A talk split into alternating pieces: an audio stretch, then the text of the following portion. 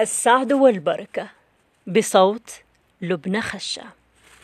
اختلف السعد والبركة ذات يوم. كل منهما يقول أنا أنفع للإنسان منك.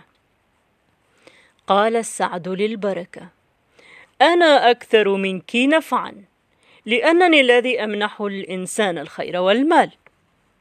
ردت عليه البركة قائلة بل أنا أنفع للناس منك. لأنه لن تكون لأفعالك قيمة إلا إذا حلت فيها البركة فيظل يستفيد بها الإنسان أطول فترة ممكنة. اختلف الاثنان ولم يصلا إلى اتفاق. ثم قدر أن يقوم كل منهما بتقديم ما لديه للإنسان حتى تكون التجربة العملية هي التي تحكم في هذا النزاع. ذهب السعد إلى فلاح فقير وأعطاه ألف جنيه. أخذ الفلاح الجنيهات وسر بها وأسرع ووضعها في جرة وسكب فوقها دقيقا. حمل الفلاح الجرة وذهب بها إلى زوجته وطلب منها أن تحفظها عندها ولم يخبرها بما فيها. ثم ترك زوجته وذهب إلى حقله ليعمله. بعد وقت طرقت الباب امرأة وطلبت منها بعض الدقيق. في الحال قدمت الزوجة الجرة للمرأة وأخبرتها أن تأخذ منها ما يكفيها من الدقيق. عاد الزوج وعلم بالأمر وثار وصرخ في وجه زوجته التي تسببت في ضياع ماله. لم يجد الفلاح فائدة من الغضب فترك البيت وتوجه إلى الحقل واستأنف عمله. بعد قليل جاءه السعد وقدم إليه ألف جنيه مرة أخرى. وضع الفلاح الجنيهات بحرص في منديله ووضع المنديل بجانبه فجأة هبطت حدأة وخطفت المنديل بمخالبها. وطارت بعيدا والفلاح ينظر إليها في حسرة وألم. لكن السعد لم يتركه في حزنه وجاءه مرة ثالثة ومنحه ألف جنيه أخرى.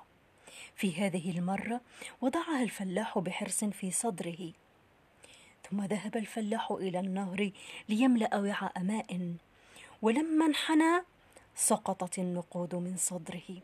والتقطتها في الحال سمكة كبيرة وابتلعتها.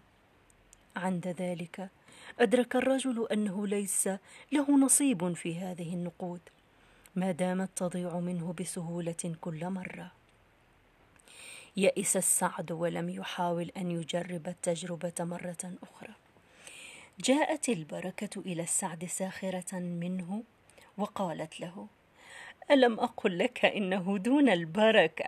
لا يمكن أن تكون لأعمالك قيمة. الآن جاء دوري. انظر ماذا سأفعل. تقدمت البركة من الفلاح وأعطته جنيها. أخذ الفلاح الجنيه وذهب إلى السوق واشترى بها سمكة. أراد الفلاح أن يطبخ السمكة. فشق بطنها ووجد فيها الجنيهات الألف التي كانت هذه السمكة قد ابتلعتها.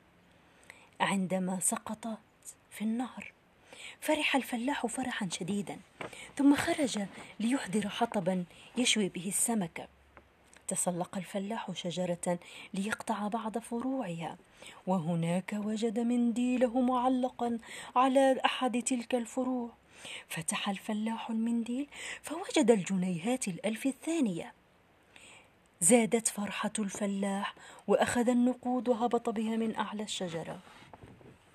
بعد وقت قصير جاءت المرأة التي كانت قد أخذت جرة الدقيق وأرجعتها إلى الزوجة وشكرتها وكانت الجنيهات الألف ما زالت في قاع الجرة. أخذ الفلاح النقود وأضاف إليها الألفين الأخريين وهو يقول الحمد لله عادت إلي نقودي كاملة. عندئذ نظرت البركة إلى السعد وقالت هل عرفت الآن أنه من دون البركة لا قيمة لأي شيء؟ اللهم بارك أعمالنا وأعمارنا واجعلنا من المباركين.